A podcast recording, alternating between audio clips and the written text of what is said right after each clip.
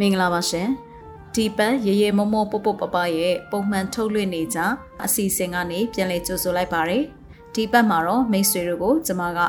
စကလုံးအသုံးနှုန်းနဲ့ပတ်သက်ပြီးတော့မှနိုင်ငံတကာဇလန်တိုရုပ်ရှင်ကားလေးတကားနဲ့ရှင်တွဲပြီးတော့ဆွေးနွေးပြချင်တာဖြစ်ပါတယ်ဒီတစ်ခေါက်မှာတော့ကျွန်မကဇလန်အကြောင်းထက်စကလုံးအသုံးနှုန်းရဲ့အရေးကြီးပုံကိုဦးစားပေးဆွေးနွေးကြပါတယ်ဒါပေမဲ့လည်းမိတ်ဆွေတို့ကကျွန်မကိုအတန်မဲကြားရတာဖြစ်တဲ့အတွက် ဒီဇလန်တိုလေးနဲ့ပတ်သက်ပြီးတော့မှမိတ်ဆွေတို့ခံမှန်းနိုင်အောင်ကျွန်မကအနှစ်ချုပ်လေးပြောပြပေးဦးမှာဖြစ်ပါတယ်ဒီဇလန်တိုလေးကိုလွန်ခဲ့တဲ့2020ခုနှစ်ဒီဇင်ဘာလလောက်က YouTube ပေါ်မှာလွှင့်တင်ခဲ့တာဖြစ်တယ်နိုင်ငံအနေနဲ့ကတော့မလေးရှားနိုင်ငံကထုတ်လုပ်ထားတဲ့ဇလန်တိုလေးဖြစ်တယ်ဒီဇလန်တိုလေးရဲ့ခေါင်းစဉ်ကိုမြင်လိုက်တဲ့ကကျမအနေနဲ့ကြည်ကျင်စိတ်တွေတဖွာဖွာဖြစ်လာတယ်။သူကမလေးရှားဘာသာအဖြစ် Pekak dan bisu.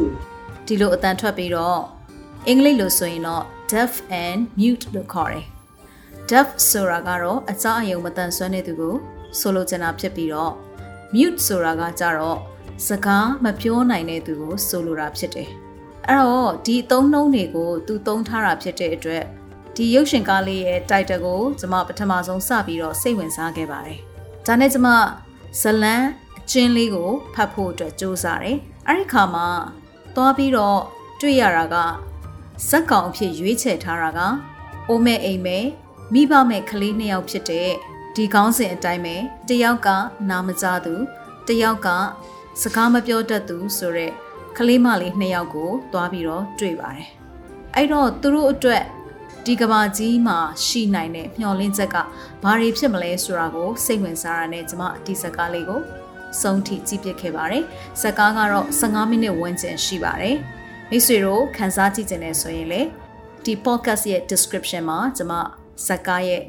link လေးကိုထည့်ပေးထားမယ်။ကျမတို့ Telegram channel မှာလည်းပြန်ပြီးတော့တင်ပေးထားမှာဖြစ်ပါတယ်။ဒီကောင်းစဉ်လေးကိုမြန်မာလိုဓာတ်ရိုက်သူ့အတိုင်းပြန်ဆိုလိုက်မယ်ဆိုရင်တော့နားမကြားသူနဲ့စွန့်အသူဆိုပြီးတော့ဒီကလေးနှစ်ယောက်ရဲ့ဖြစ်တည်မှုနဲ့ဇက်ကားနာမည်အဖြစ်ပေးထားတာဆိုတာကိုသဘောပေါက်လိုက်ပါတယ်။ဒီတော့အခုဇလန်တိုလေးကနေကျမတို့ဘာတွေကို ဆွေးနွေးသွားမလဲဆိုတာမိတ်ဆွေလည်းသိကျင်နေပြီထင်ပါတယ်။ကဲဒီတော့ဆက်ပြီးတော့နားထောင်ကြည့်လိုက်ရအောင်။ကျမကတော့အစီအစဉ်တင်ဆက်သူနှွေးစာကြည့်ဆိုဖြစ်ပါတယ်။ All right, all right, all right. Here we go. Time to make something. Come on. I'ma make something cool just because I can. Artist for life, that's what. မင်္ဂလာပါခင်ဗျာ မြန်မာစီနီမာဘယ်လတီနက်ဝက်ကထုတ်လွှင့်တဲ့ရီရီမောမောပေါ့ပေါ့ပပအစီအစဉ်ကနေကြိုဆိုလိုက်ပါတယ်ဒီအစီအစဉ်ကမြန်မာလူမှုနယ်ပယ်မှာမတန်ဆွမ်းမှုအသိပညာတွေညှင့်တင်ပေးနိုင်ဖို့မတန်ဆွမ်းအတိုင်းဝန်ကဖြစ်ရက်ဆုံးကဏ္ဍဆုံးကိုမတူညီတဲ့ရှုထောင့်ပေါင်းစုံကနေလွတ်လပ်ပွင့်လင်းတဲ့တွေးခေါ်ဆင်ခြင်နိုင်မှုတွေနဲ့မျှဝေလူကြသူတွေရဲ့အသံတွေကိုပြုစုပြောထောင်ဖော်ထုတ်ပေးနေခြင်းဖြစ်ပါတယ်။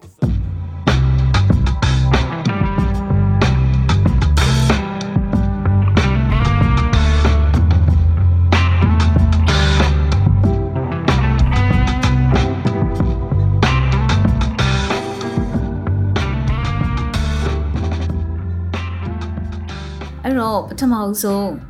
ဇက်ကားရဲ့အဖွင့်မြင်ကွင်းလေးကိုကျွန်မမိတ်ဆက်ပေးချင်ပါတယ်။သက်9နှစ်နဲ့အရွယ်လောက်ရှိတဲ့အင်ဂျီအဝါခနွန်းနန်းလေးကိုဝတ်ထားပြီးတော့သပင်ဖယိုဖယဲလေးစီးထားတဲ့ကလေးမလေးတယောက်ဟာပြောင်းဘူးနုနုလေးကိုခွာပြီးတော့ကြိုက်စားကြည့်လိုက်ပါတယ်။သိတဲ့အတိုင်းပဲလေပြောင်းဘူးကနုနေတဲ့အခါကျတော့ထွေးထုတ်လိုက်တယ်။အဲ့ဒီချိန်မှာကားတစ်စီးရဲ့တုန်ခါမှုကိုသူခံစားလိုက်ရတဲ့အတွက်ကြောင့်ကားလာနေတာကိုသတိထားမိတဲ့အချိန်မှာ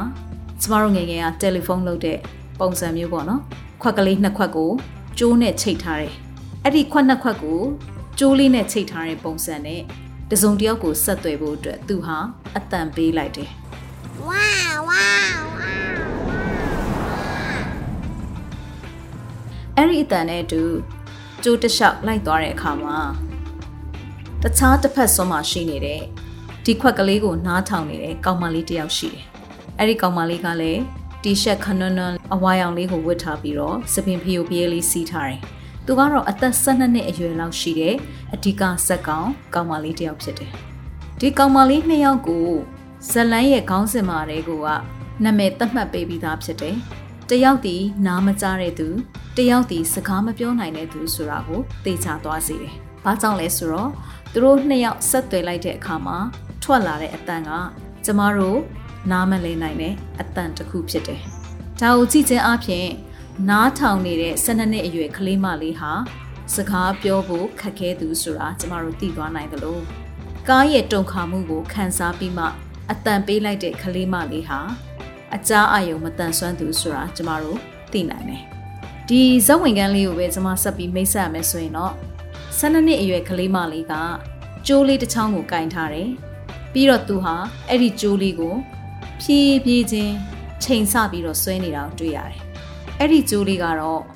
ထင်းချောင်းလေး၄၅ချောင်းကိုပူးချီပြီးတော့ကာဘိန်းအောက်တဲ့တဲ့ကိုရောက်သွားအောင်လို့ချိန်ဆထားတာကိုတွေ့ရတယ်။သူတို့ချိန်ဆထားတဲ့အတိုင်းပဲထင်းစည်းလေးကိုတက်ကျိတ်သွားတဲ့ကားရဲ့တုံခါမှုကြောင့်ပဲအမိုးပွင့်ကားထဲမှာတည်လာတဲ့ပြောင်ဘူးလေးတွေဟာကားလမ်းပေါ်မှာထွက်ကြပြီးကြံခဲ့တယ်။ကားကတော်တော်ဝေးဝေးကိုရောက်သွားပြီဆိုတော့မှ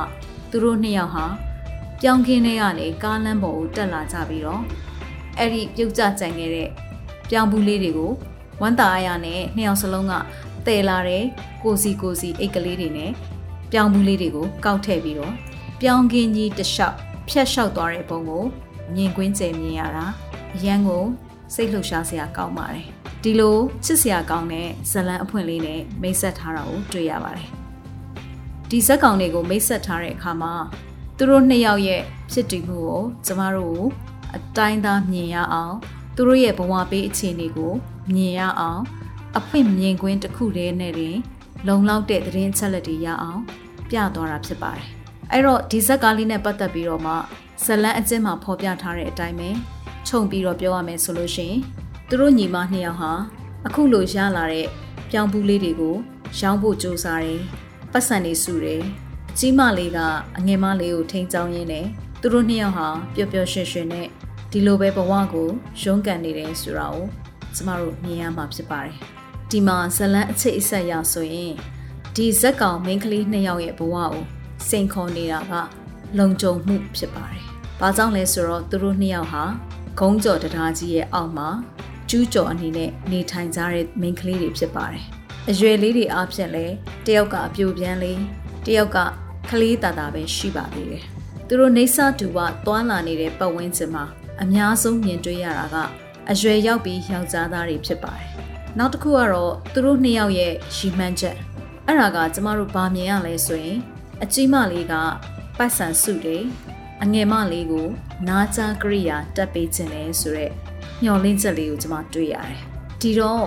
အဓိကစက်ကောင်ဖြစ်တဲ့အသက်12နှစ်ဝန်းကျင်အပြိုပြန်လေးဖြစ်နေတဲ့ဒီစကားမပြောတတ်တဲ့ကလေးမလေးဟာအကြအယုံအားနေနေတဲ့ညီမလေးကိုထိမ့်သိမ်းဆောင်ရှောက်ကာကွယ်ပေးရင်းနဲ့သူတို့နှစ်ယောက်ဟာထိခိုက်လွယ်မှု၃ဆင့်လောက်ရှိနေတာကိုရုန်းကန်ကြောဖြတ်နေကြရတာတွေ့ရတယ်။ဆိုလိုချင်တာကမိဘမဲ့ဖြစ်ခြင်းအိမ်ယာမဲ့ဖြစ်ခြင်းမတန်ဆွမ်းသူဖြစ်ခြင်းဆိုရက်ဒီထိခိုက်လွယ်တဲ့ အကြောင်းတရားတွေ၃မျိုးစလုံးစုံနေတာဖြစ်တဲ့အတွက်ဒီဇက်ကောင်ရဲ့အားနည်းမှုကိုကျမတို့ကအတိုင်းသားမြင်ရတယ်ပေါ့နော်။ဖန်နီးသူတွေကဘာကြောင့်ဒီလိုဇက်ကောင်ကိုရွေးလဲဆိုတာတော့ကျမမသိပါဘူး။အောက်ကမှတ်ချက်တွေကိုဖတ်ရခြင်းအဖြစ်ဒါဟာသူတို့ရဲ့လူမှုပတ်ဝန်းကျင်မှာလည်းတကယ်ဖြစ်တည်နေတဲ့အကြောင်းတရားလို့တော်တော်များများကလက်ခံကြပါတယ်။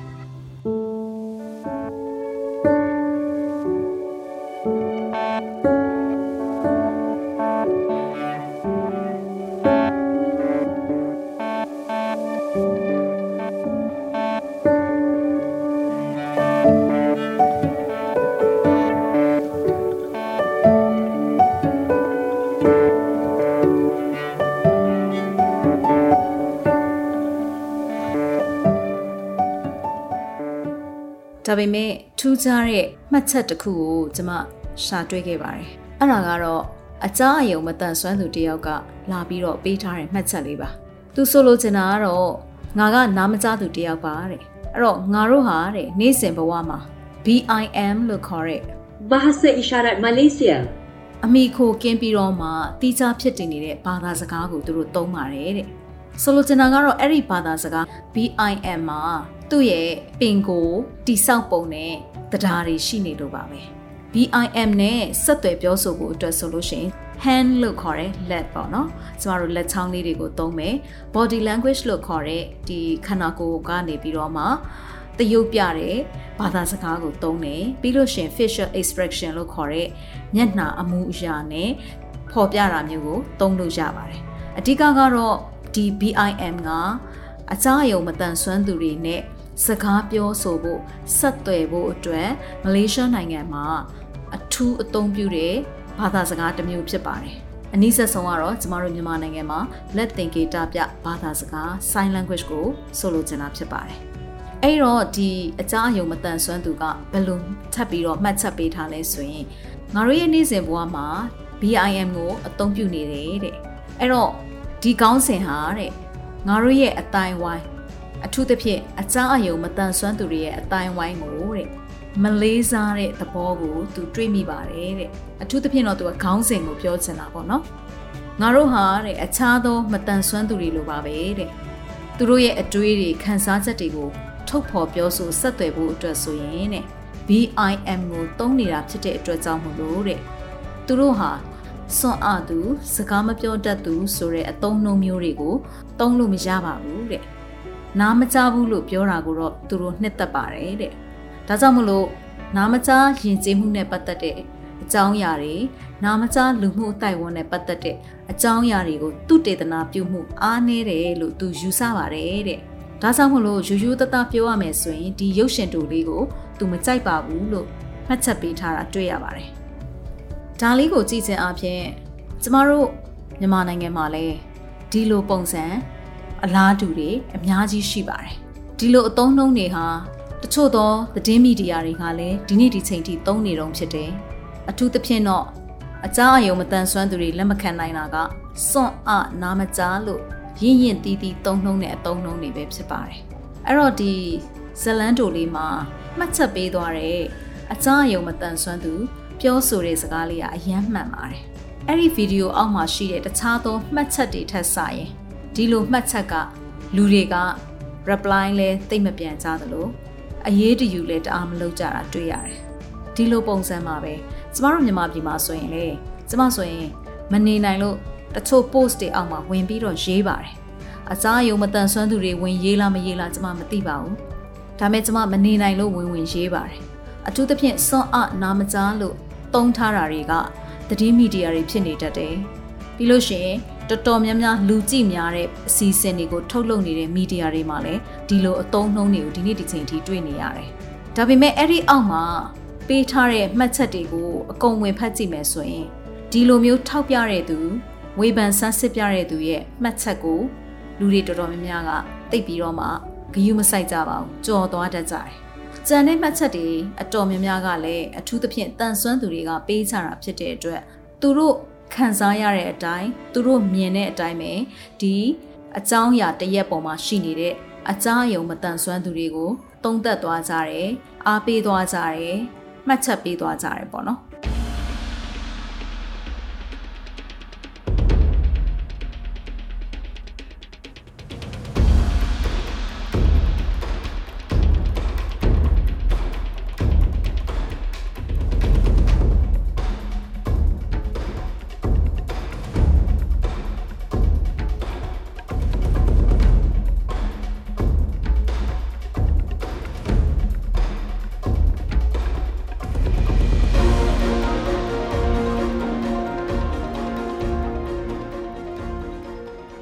တော့ဒီဇလန်းလေးရဲ့အဆုံးသက်အခန်းပေါ့နော်နောက်ဆုံးခန်းမှာတော့ဒီဇက်ကြောင်းကပြောချင်တဲ့အကြောင်းအရာကဘာလဲဆိုတာကိုမိတ်ဆွေတို့ခံမှန်းလို့ရပါတယ်ဒါပေမဲ့တချို့တွေကလည်းသဘောမပေါက်ကြတဲ့ခါကျတော့မှတ်ချက်တွေမှာမေးတယ်ပေါ့နော်ဘာလို့လဲဆိုတော့ကျမတို့ကနိုင်ငံမတူတဲ့ခါကျတော့သူတို့နိုင်ငံမှာရှိနေတဲ့သဘောတရားနဲ့ယဉ်ကျေးမှုအဲလူမှုအတိုင်းဝန်ရဲ့အဖြစ်အပျက်တွေကိုကျမတို့ညံမမိဘူးပေါ့နော်အဲ့လိုမျိုးဖြစ်တဲ့ခါကျတော့လေတချို့ကမှတ်ချက်မှာပြန်မေးတယ်အဲ့ဒါဘာဖြစ်သွားတာလဲ ဆိုတာမျိုးပေါ့ဒါပေမဲ့အဲ့ဒီဖြစ်ရက်နဲ့အလားတူတဲ့နိုင်ငံကလူတွေကကြတော့သူတို့ကဒီအကြောင်းအရာကိုချက်ချင်းသဘောပေါက်တယ်ပြီးလို့ရှိရင်ဒီလိုမျိုးအဖြစ်အပျက်တွေကတကယ်ဘဝတွေထဲမှာလည်းရှိတယ်ဆိုတာမျိုးတွေကိုဖော်ထုတ်ပြောဆိုကြတဲ့သူတွေလည်းတွေ့ရတယ်အဲ့တော့အဓိကကတော့ဒီဇက်ကြောင်းလေးဟာမတန်ဆွမ်းမိဘမယ်အိမ်ကြွေရမယ် တကောင်ကျွတ်လို့ပြောလို့မရဘူးပေါ့နော်သူတို့ကနှစ်ယောက်ဖြစ်နေတဲ့ခါကြတော့လေအဲ့တော့အဲ့ဒီနှစ်ယောက်ရဲ့ဘဝရုန်းကန်ရမှုမှာအကြီးမလေးရဲ့ပေးဆက်ရမှုကိုမြင်သာစေတာဖြစ်ပါတယ်။အစကတည်းကလည်းသူတို့နှစ်ယောက်မှာတူညီတဲ့ရည်မှန်းချက်တစ်ခုရှိတယ်။အဲ့ဒါကတော့အငယ်မလေးကိုနာကြကရိယာလေးတက်ပေးခြင်းနဲ့အငယ်မလေးကလည်းနာကြကရိယာ ရသွားပြီဆိုရင်သူက K-pop အစိုးရလူမျိုးလှုပ်လို့ရနိုင်ပြီလို့ညှော်လင့်နေပေါ့နော်အဲ့တော့သူတို့နှစ်ယောက်ရဲ့မျှော်လင့်ချက်ကတခုတည်းပဲရှိတယ်ဒါပေမဲ့အဲ့ဒီမျှော်လင့်ချက်ကိုတွေးဖယ်သွားစေမဲ့အခက်ခဲတွေရုန်းကန်ရမှုတွေကိုမိတ်ဆွေတို့ကဒီရုပ်ရှင်ထဲမှာမြင်ရမှာဖြစ်တယ်ကျမကတော့အတုံးနှုံးဘက်ကိုပဲပို့ပြီးတော့သွားခြင်းတယ်တင်ပြတဲ့ဇက်ကြောယူအကြောင်းအရာအရာဆိုရင်လေ နောက်ဆုံးကန်းအရာဆိုရင်တော့ကျမတို့နိုင်ငံမှာတော့လက်တလောအဲ့ဒီလိုအနေအထားကမရှိသေးတဲ့အတွက်ကျမအကျယ်တုံးမဆွေးနွေးတော့ဘူးဒါပေမဲ့မတန်ဆွမ်းကလေးတငယ်တွေကအဲ့ဒီလောက်ထိသူတို့နိုင်ငံမှာအခြေအနေဆိုးနေလားဆိုပြီးကျမတွေးမိတယ်ပေါ့နော်ပြောရမယ်ဆိုလို့ရှိရင်ကျမတို့နိုင်ငံမှာခုလိုမျိုးမိဘမဲ့ရောအိမ်ကျေရမဲ့ရောနှစ်ထပ်ကွမ်းဖြစ်နေတဲ့မတန်ဆွမ်းသူတွေကို အထူးသဖြင့်နားမကြားသူတွေထဲမှာတော့ကျွန်မမမြင်ဘူးသေးဘူးဒါပေမဲ့မရှိဘူးလို့လည်းတစ်ထစ်ချပြောလို့မရဘူးဒါကျွန်မသတင်းအချက်လက်လက်လန်းမမိတာလည်းဖြစ်ကောင်းဖြစ်နိုင်တယ်ဒါပေမဲ့ဒီမှာအဓိကကအတုံးအနှုံးကိုကျမတို့သွားမယ်ဆိုရင်စွစွန်းရလို့ကျမတို့စီမှာလည်းစွန့်အနာမကြားဆိုတဲ့ခင်မမီတော့တဲ့တစ်ဖက်သားရဲ့အားနည်းချက်ကိုဖိစီးပြီးပြောဆိုတဲ့စကလုံးအတုံးနှုံးမျိုးတွေကဒီနေ့ဒီခေတ်မှာ အံမဝင်တော့ဘူးအဲ့ဒီလိုမျိုးသုံးနှုံပြောဆိုတဲ့သူတွေကရှင်းရှင်းပြောရရင်အတုံးခံရတဲ့မတန်ဆွမ်းသူတွေထက်သူတို့ကိုယ်တိုင်ကအရင်ဆုံးဂုံတိတ်ခါကြဆင်းသွားစေတာဖြစ်ပါတယ်ဒီလိုအသုံးနှုံမျိုးနဲ့တစ်ဖက်သားကိုခေါ်ဆိုလိုက်မယ်ဆိုလို့ရှိရင်သူတို့ရဲ့လေ့လာမှုအားနည်းတာကိုလည်းမြင်ရတယ်တစ်ဖက်သားရဲ့အားနည်းချက်ကိုလက်လွတ်စပယ်ပြောတတ်တဲ့ဝတီလေးကိုလည်းမြင်ရတယ်နောက်တစ်ခုကကြတော့ကိုချင်းစာမှုအားနည်းတယ်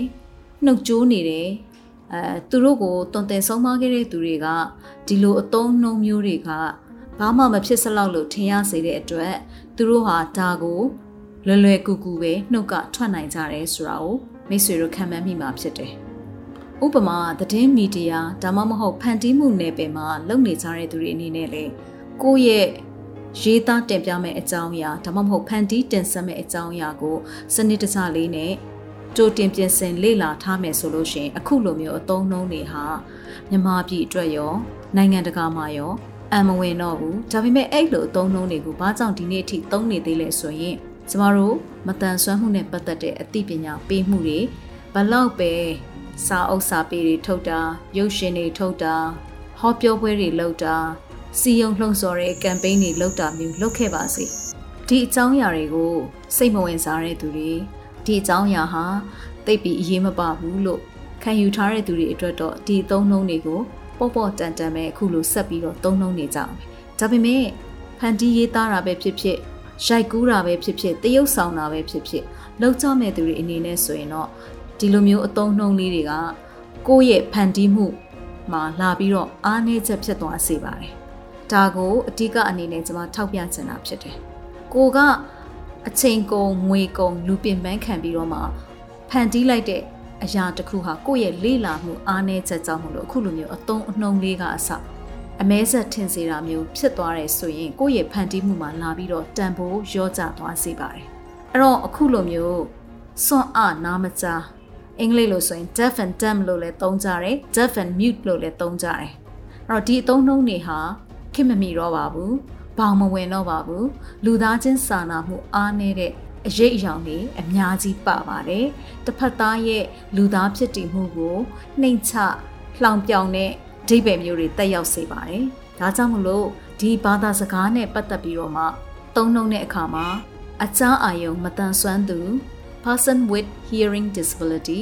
ဒါမှမဟုတ်တခြားသောမတန်ဆွမ်းသူတွေဆိုရင်လည်း person with something disability ဒီလိုမျိုးလေးတွေသုံးပေးမယ်ဆိုလို့ရှိရင်ကျမတို့ခွဲခြားလို့ရပါတယ်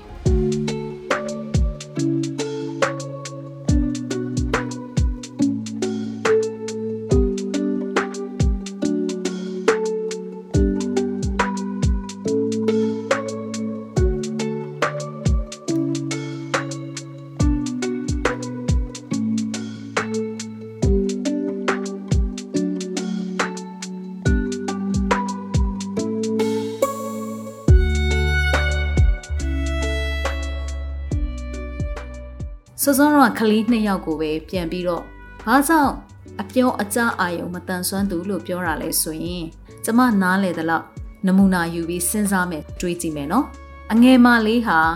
ပြောင်းမှုကားလေးလာတဲ့အခါမှာ vibration နဲ့တည်တယ်မျက်လုံးနဲ့ကြည့်တယ်ပြီးရင်အကြီးမကိုသူကအတန်တတန်ပေးလိုက်တယ်အဲ့တော့ vibration ဆိုတာကကားလာပြီဆိုရင်ကားရဲ့ weight နဲ့လမ်းရဲ့ တုံခါမှုဟာသူ့ရဲ့ခြေထောက်မှာလာပြီးတော့ခံစားရစေတာဖြစ်တယ်။ဒါကြောင့်သူဟာအမြင်နဲ့ထပ်ပြီးတော့မှတေချာအောင်ကြည့်လိုက်တဲ့အခါမှာပြောင်းဘူးကားကြီးလာနေတာကိုမြင်ရတဲ့အတွက်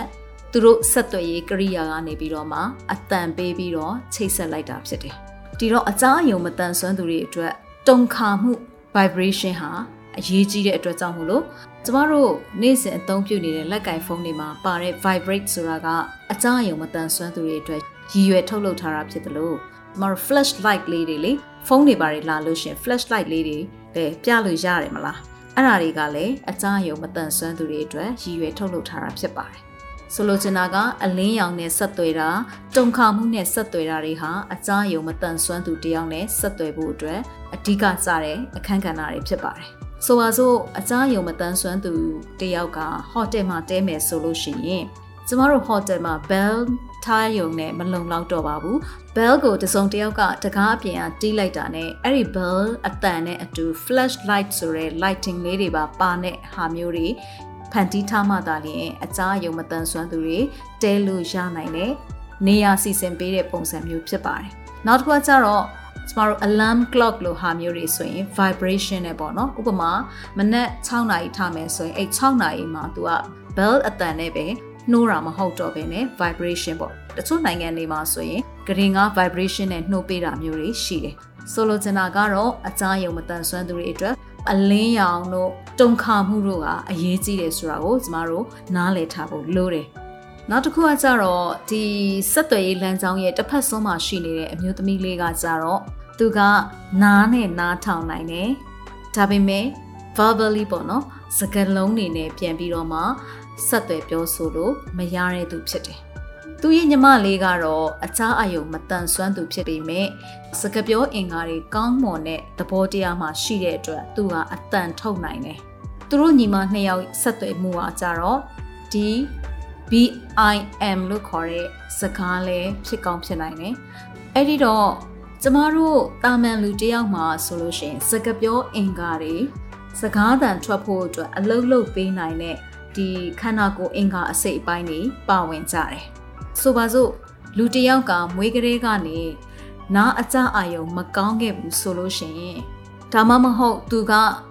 စကားမပြောတတ်ခင်မှာနားအကြအာယုံဆုံးရှုံးသွားတယ်ဆိုလို့ရှိရင် သူ့မှာရှိနေတဲ့စကပြောအင်္ဂါတွေဘလောက်ပဲပြည့်စုံနေပါစေသူဟာမကြားဘူးတဲ့အတွက်ကြောင့်မလို့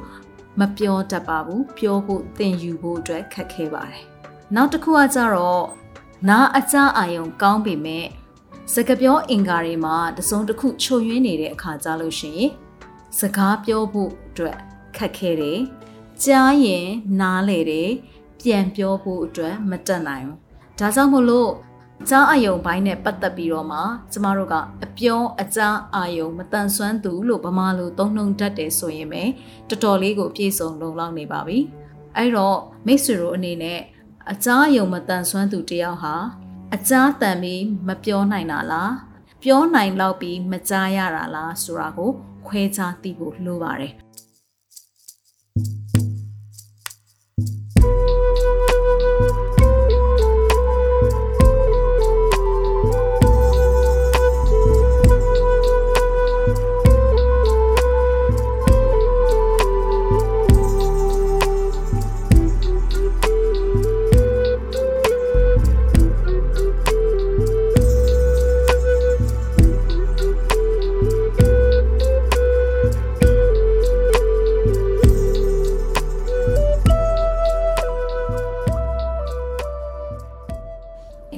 န့်အနာမကြားဆိုတဲ့အတုံးနှုံမျိုးကြီးကိုသုံးတာထက်ဆိုင်အပြောအစားအယုံမတန်ဆွမ်းသူလို့ကျမတို့သုံးနှုံလိုက်တာဟာအရင်ဆုံးကျမတို့ရဲ့ကိုယ်ကိုကျမတို့မြင့်တင်ရလဲရောက်တယ်မတန်ဆွမ်းသူတွေကိုကျမတို့ကလူသားချင်းစာနာစိမ့်နဲ့အဲပြီးလို့ရှိရင်သူတို့ရဲ့မတန်ဆွမ်းမှုကိုအဓိကရှုမြင်နေတာမျိုးမဟုတ်ပဲသူတို့ရဲ့စွမ်းဆောင်နိုင်တဲ့အရာတွေကိုရှုမြင်ပေးတဲ့ပုံစံမျိုးနဲ့လည်းသူတို့ကိုဆက်ဆံရရောက်ပါတယ်။ဒါကြောင့်မလို့ မိတ်ဆွေတို့အနေနဲ့ကိုယ့်ရဲ့လုပ်ငန်းခွင်ထဲမှာပဲဖြစ်စေအပြင်မီဒီယာမျိုးစုံနေ့စဉ်စားသုံးနေတဲ့အခါမှာပဲဖြစ်စေစွန့်အနာမကြားဆိုတဲ့အသုံးနှုန်းလေးကိုမိတ်ဆွေတို့တွေ့လာလို့ရှိရင်ဒါလေးကိုဝင်ပြီးတော့မှမှတ်ချက်ရေးပေးကြပါစောစောရလိုမျိုးကိုယ်တိုင်ကဒီအကြောင်းအရာနဲ့ပတ်သက်ပြီးတော့မှဘယ်လိုရှုမြင်နေကိုဘာတွေသိနားလည်ထားရဲဆိုတာကိုထည့်ရေးပေးခြင်းအပြင်မိတ်ဆွေတို့ရဲ့မှတ်ချက်တွေကတနေ့နေ့တစ်ချိန်ချိန်မှာ ပို့ပြီးတော့မှအားကောင်းလာတဲ့အတန်တတန်ဖြစ်လာမယ်လို့ကျွန်မယုံကြည်ပါတယ်။ဒါကြောင့်မို့လို့ဘာသာစကားတွေရဲ့အပြုသဘောဆောင်တဲ့စွမ်းအားတွေကိုကျမတို့ကအသုံးပြုဖို့လိုပါတယ်။ကျမတို့ပါဇက်ကထွက်လိုက်ရတဲ့စကားလေးတစ်ခွန်းကတစ်ဖက်သားအတွက်နားခံတာတဲ့အနေအထားမျိုးဖြစ်မယ်ဆိုရင်ပို့ပြီးတော့ကောင်းပါတယ်။အဲ့ဒီလိုပြောဆိုခြင်းအပြင်ကျမတို့တွေရဲ့အမြင်တွေလည်းတဖြည်းဖြည်းနဲ့ပြောင်းလဲလာနိုင်ပါတယ်။ဆိုလိုချင်တာက ကျမတို့တွေဟာစွန့်အားနာမကြားလို့တုံ့နှုံလိုက်ရင်ဒီလူတွေဟာဘာမှအတုံးမကြတဲ့သူတွေဘာမှမလုံနိုင်တဲ့သူတွေလို့စွမ်းဆောင်ရင်မဲ့သွားစေတဲ့သူတို့ရဲ့ဖြစ်တည်မှုကိုအထင်သေးတဲ့ခံစားချက်မျိုးတွေပေါ်ပေါက်စေပါတယ်။ ဒါကြောင့်မလို့စကလုံးတွေရဲ့စွမ်းအားကိုကောင်းကောင်းအသုံးချတတ်ရင်ကျမတို့တွေဟာကျမတို့တွေမှာရှိတဲ့အပြုသဘောဆောင်တဲ့စိတ်ဓာတ်တွေကိုပုံမပြီးတော့မြင့်တင်ရရောက်တဲ့အတွက်ကြောင့်မလို့ဒီလိုအသေးစိတ်အသုံးနှုန်းလေးတွေကအစမိတ်ဆွေတို့ကိုရှောင်ကျင်သတိထားပြီးတော့ခေါ်ဖို့အတွက်ကျမကအထူးပဲတိုက်တွန်းလိုတာဖြစ်ပါတယ်။နောက်တစ်ခုကတော့ဒီလိုပြောဆိုသုံးနှုန်းခြင်းအပြင်ကျမတို့တွေဟာလူတိုင်းအကျုံးဝင်တဲ့နေပယ်တရက်ကို အကောင့်ထဲပေါ်ပြီးသားလည်းဖြစ်ပါတယ်။ဆိုလိုချင်တာကကျမတို့မှာမတူကွဲပြားမှုတွေရှိတယ်။ဒါမဲ့အားလုံးဟာသူ့ဟာနဲ့သူအစွမ်းရှိကြတယ်။ဒီအစွမ်းတွေကိုအပြန်လှန်လေးစားယုံကြည်ပြီးတော့အတိတ်မှတ်ပြုပြီးတော့မှကျမတို့အားလုံးဟာလူသားတွေပဲဆိုတဲ့အခြေခံသဘောတရားကိုလက်ဝဲပိုင်ပိုင်ခံယူထားနိုင်မယ်ဆိုလို့ရှိရင်မိတ်ဆွေတို့ဟာအားလုံးအကျုံးဝင်တဲ့လူမှုအတိုင်းအဝန်တစ်ခုကိုဒီစကရက်တွေသုံးပြီးတော့ဖော်ဆောင်နေတယ်ဆိုတာကိုလည်းမမေ့ဖို့လိုပါတယ် အဲ့တော့ကျမတို့ဒီအတုံးနှုံးလေးကနေဘလို့အပြောင်းလဲတွေကိုမြင့်တင်ကြမလဲပေါ့နော်အရင်ဆုံးတော့ကိုကိုရိုင်းကကိုဒီအကြောင်းအရာလေးသိထားပြီဆိုရင် သူများတွေကိုပြန်ဝေမျှပေးပါ ကိုရဲ့မိသားစု ကိုရဲ့လုပ်ငန်းခွင် ကိုရဲ့လူမှုအတိုင်းဝန်ဒါတွေမှာဒီအသိပညာလေးကိုပဲပြန်ဖြန့်ပေးခြင်းအပြင်မိတ်ဆွေတို့ဟာဖျောင်းနိုင်လေလို့ပဲကို့မှရှိနေတဲ့အလင်းတစားကနေပဝန်းကျင်တစ်ခုလုံးလင်းသွားအောင်လို့သူများတွေကိုပြန်အလင်းပေးနိုင်မှာဖြစ်ပါတယ် နောက်တစ်ခုကကြောင့်ဒီလိုခေါ်ပေါ်သုံးဆွဲခြင်းဟာမိတ်ဆွေရဲ့ personality ကိုရည်ကိုသွေးနဲ့လည်းသက်ဆိုင်နေတာဖြစ်တယ်လို့မိတ်ဆွေရဲ့လေးလာနှံ့ဆက်မှုအပေါ်မှာလည်းထင်ဟပ်စေတာဖြစ်တဲ့အတွက်ဒီအသုံးနှုန်းလေးကိုဒီအစီအစဉ်လေးနားထောင်လိုက်ခြင်းအပြင်မိတ်ဆွေရှင်ထဲမှာဆွဲသွားမယ်လို့ကျွန်မယုံကြည်တယ်။ဒီအခွန်ဝအသုံးနှုန်းလေးကနေမိတ်ဆွေကနောက်တစ်ဆင့်တက်ချင်သေးတယ်ဆိုရင်မတန်ဆွမ်းသူတွေရဲ့အခွင့်အရေးအတွက်လှုံ့ဆော်ပေးနေတဲ့အဖွဲ့အစည်းတွေအခန်းကဏ္ဍတွေမှာ ကိုတက်နိုင်တဲ့ဘက်ကပူးပေါင်းပါဝင်လို့ရပါတယ်။နောက်ပြီးတော့မတန်ဆွမ်းမှုနဲ့ပတ်သက်တဲ့ဒီလိုအခေါ်အဝေါ်အတုံးနှုံးတွေဘာသာစကားတွေယဉ်ကျေးမှုတွေဒါတွေကိုမိတ်ဆွေတပြေးပြေးနဲ့စိတ်ဝင်တစားနဲ့လေ့လာကြည့်မိမယ်ဆိုလို့ရှိရင်မိတ်ဆွေရဲ့စီးပွားရေးကဏ္ဍမိတ်ဆွေရဲ့လူမှုရေးကဏ္ဍတွေမှာပြန်ပြီးတော့မှအသုံးချနိုင်တဲ့အသိပညာကောင်းတွေလည်းရလာနိုင်မှာဖြစ်ပါတယ်။နောက်ပြီးတော့အများပြည်သူနဲ့ပတ်သက်တဲ့ ဝန်ဆောင်မှုတွေနေရာတွေမှာခုလိုမျိုးမတန်ဆွမ်းသူတွေအတွက်ထည့်သွင်းစဉ်းစားပေးတတ်တဲ့ကိစ္စလေးတွေမိတ်ဆွေရဲ့လုပ်ငန်းခွင်ထဲမှာမိတ်ဆွေရဲ့ဖန်တီးမှုတွေမှာအခုလိုမျိုးမတန်ဆွမ်းသူတွေနဲ့ပတ်သက်တဲ့အသိပညာတွေကိုထည့်သွင်းပြီးတော့မှထောက်ခံအားပေးနိုင်မယ်ဆိုရင်တော့အတိုင်းထက်အလွန်ပေါ့ရှင်။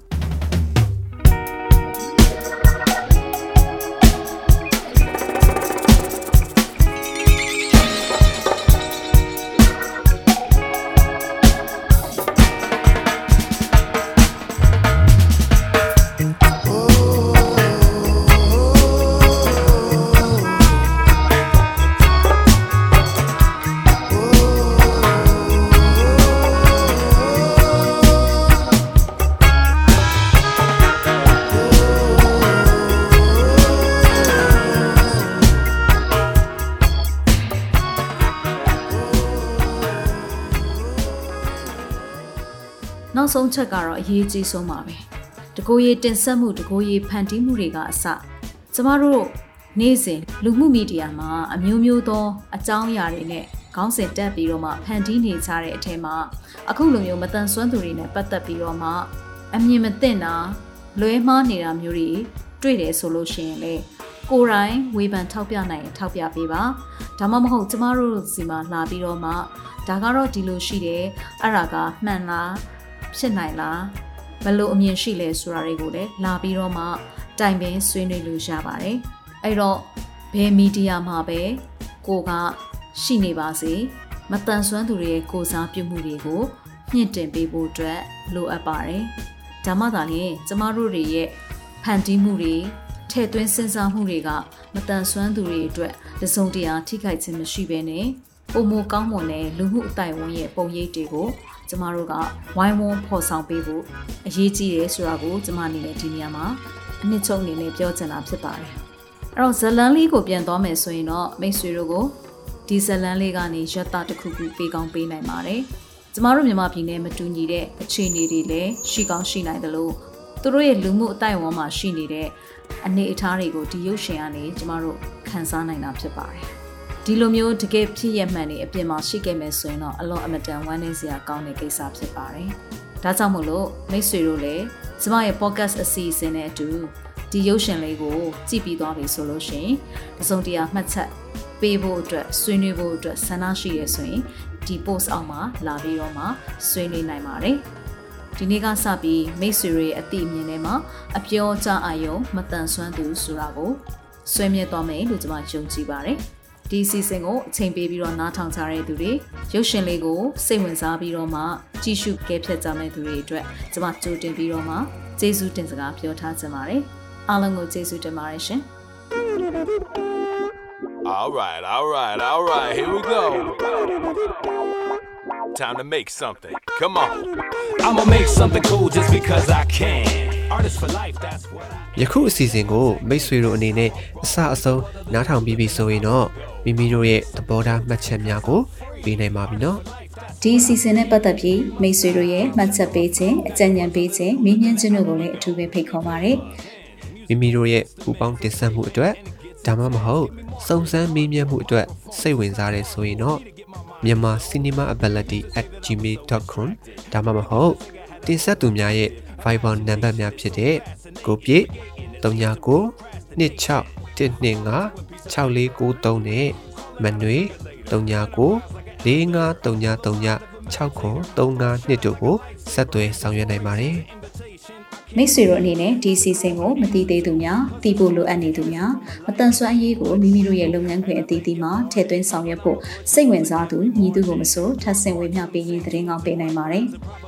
မြန်မာပြည်သူပြည်သားများအားလုံးမတန်ဆွမ်းမှုအသိပညာတွေတိုးပွားကခွဲခြားဆက်ဆံမှုကင်းပြီး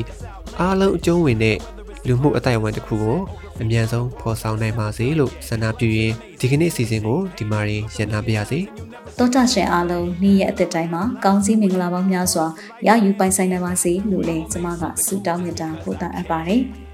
။ နောက်ပတ်စနေနေ့ည9:00နာရီမှာပြန်ဆောင်ကြရအောင်နော် I make the world a little cooler than an hour ago. I'ma make something cool just because I'm free. Artist for life, that's what I be. Dig my style, keep checking my flow. Now your world's a little cooler than an hour ago.